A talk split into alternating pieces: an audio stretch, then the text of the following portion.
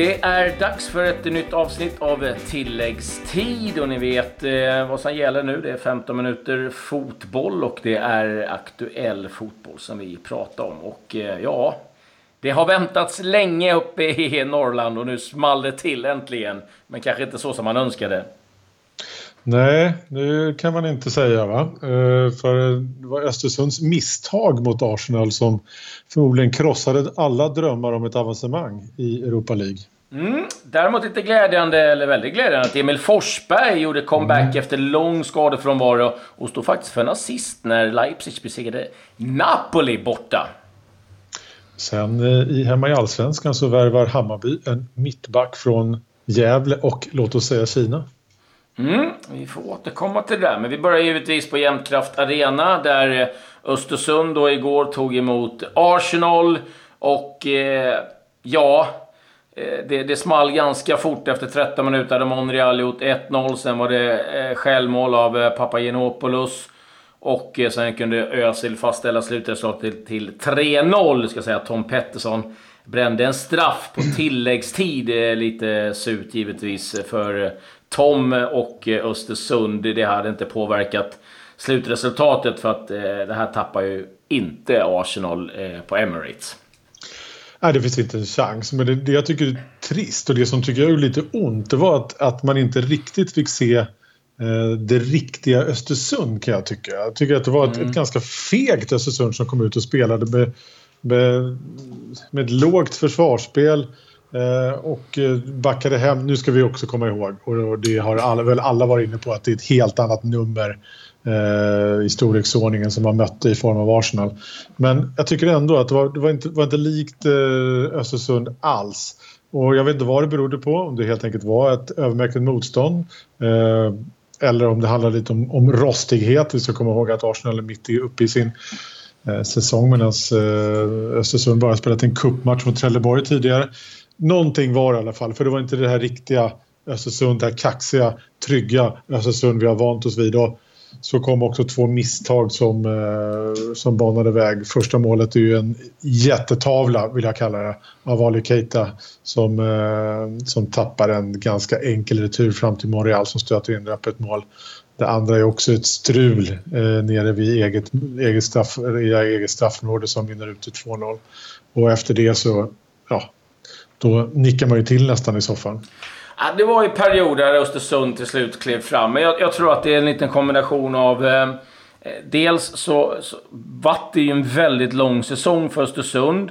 Eh, man var sen eh, tvungen att... Eh, eh ja, med alla spelare var tvungna att vila eh, en viss period och sen skulle du starta om igen och liksom någonstans Eh, så måste man då kombinera en, en försäsong för att man ska hålla hela säsongen. Samtidigt som du ska då slipa på eh, matchtempo och annat. Och det, och det är inte helt lätt att hantera. Sen tror jag någonstans att det var det var nog stort, det kanske blev lite för stort. Man har, man har gått och väntat för länge på den här matchen. Innan har det ändå varit allsvenskan, det har varit en cupmatch, allsvenskan. Alltså, du rullar. Nu har det varit liksom Arsenal i två månader, eller tre månader vad det nu blir. Och man har suttit och kollat på de här matchen. Och det är klart att jag tror det och, som du är inne på, att Arsenal...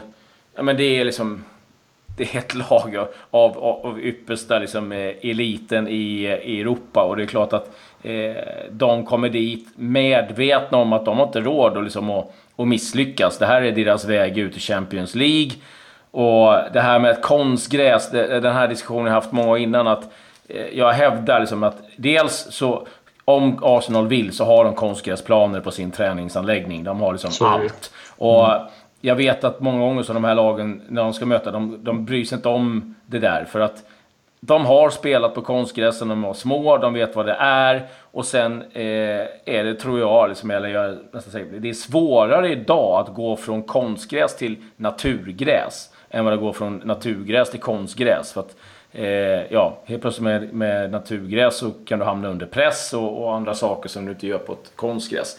Eh, men alltså, Ja, det var misstag. Samtidigt så gör ju eh, Östersund, det är ju hela deras filosofi, att man ska få göra misstag. Och då, då kommer ju det här hända. Och det var ju lite Tom Pettersson var inne på i intervjun att eh, det är okej okay att göra misstag. Man går vidare och det är det man lär sig av.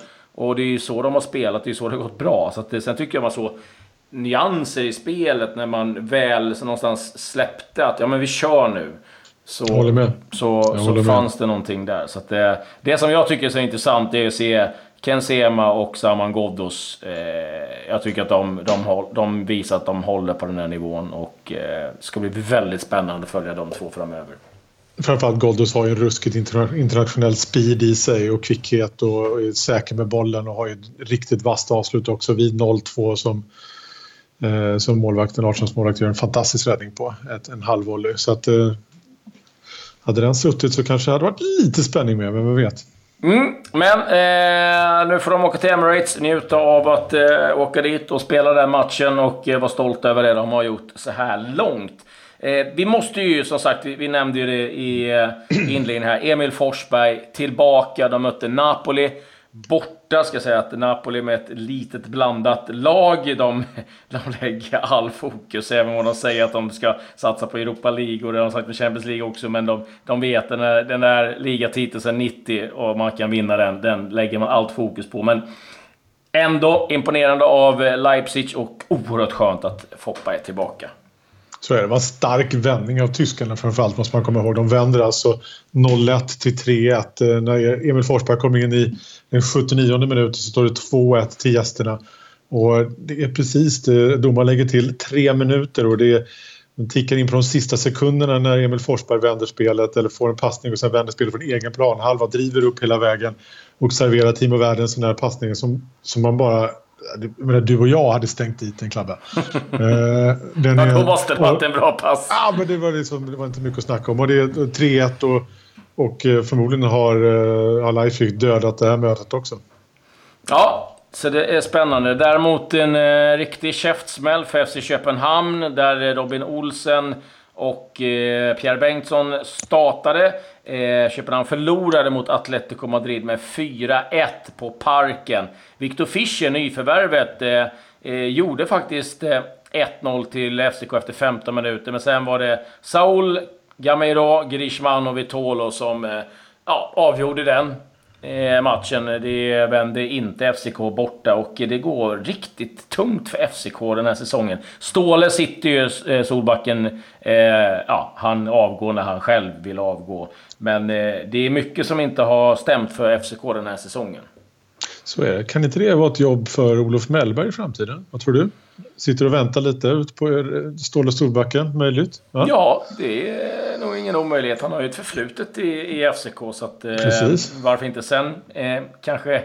Ja, det är, det är ett hyfsat andra jobb att gå in på om man Det är det, så. fast han, han har ju en resumé som spelare som är, som, är, som är grym och han har gjort ett fantastiskt jobb i BP. Men vi behöver inte tala om spekulationerna nu. Nej, han ska kom, först, kom han, först och främst måste han... Ja, absolut. Eh. När han har fixat sin pro-license först så kan vi börja diskutera eh, det där sen. Eh, för han kommer aldrig få det jobbet innan han har, har löst eh, tränarutbildningen. Så mycket kan vi vara säkra över. Men, Micke Lustig spelade mm. för Celtic. Eh, som vann över en stark seger över Zenit Sankt Petersburg med 1-0 eh, hemma i Glasgow.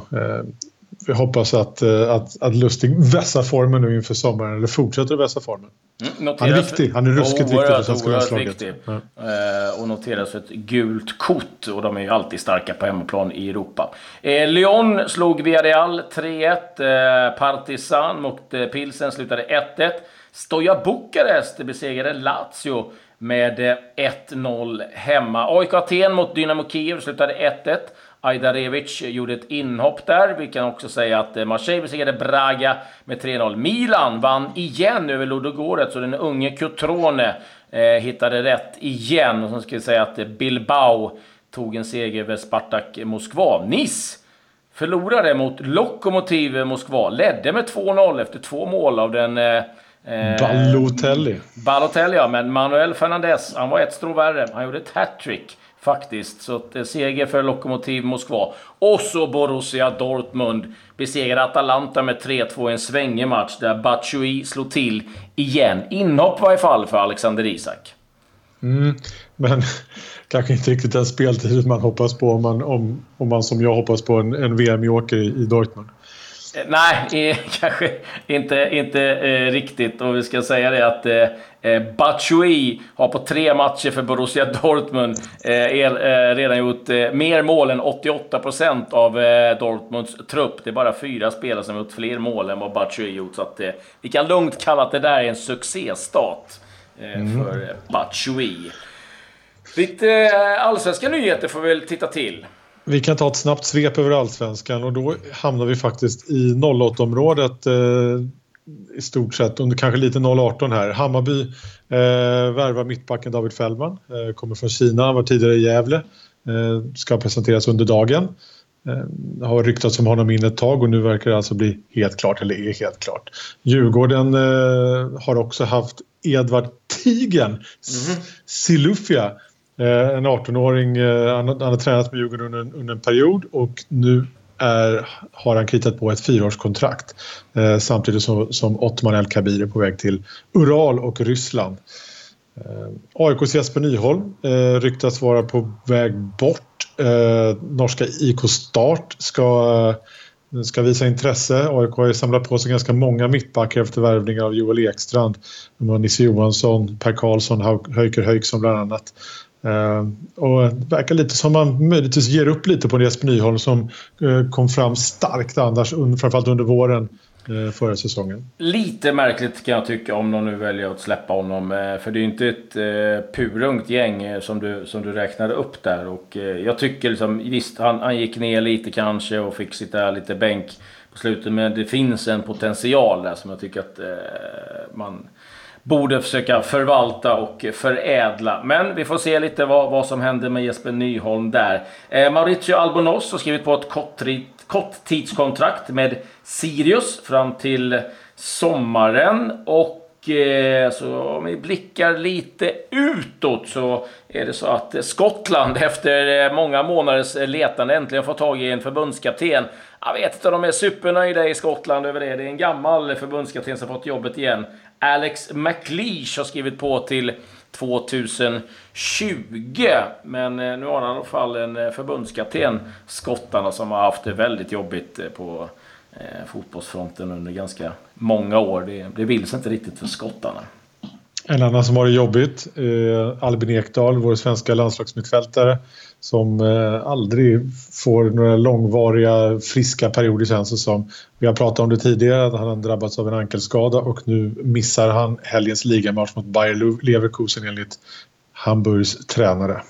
Mm, ja, eh, riktigt eh, trist. Däremot som ska bli jäkligt roligt, ursäkta att jag drar till med en liten eh, okay. svordom här. Det är ju att Svenska Cupen drar igång i helgen och eh, nu, nu äntligen så är tävlingssäsongen igång på riktigt. Ja, men som man längtar efter det och som vilken, vilken förändring för svensk fotboll har varit med, med det här nya cupformatet, mm. eller som inte är så nytt längre. Men Eh, du får, det kittlar verkligen tävlingsnerven och bygger upp intresset inför allsvenska starten på, på ett sätt som, som det inte varit närheten av tidigare. Eh, och det vet ju Östersund till exempel, där ligger en, en Europaplats i potten!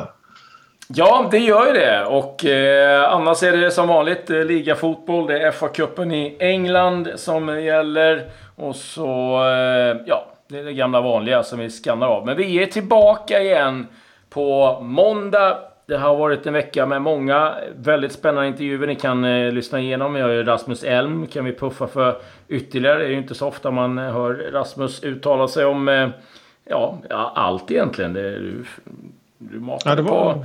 ja, men det var brett. Ludde Augustinsson mm. är värd att lyssna på efterhand också, verkligen. Så eh, det finns att eh, lyssna på om ni har missat eh, någonting under veckan. Så tackar vi för oss och eh, ja, ni får ha en riktigt trevlig helg allihopa. God helg! Ja, adjö.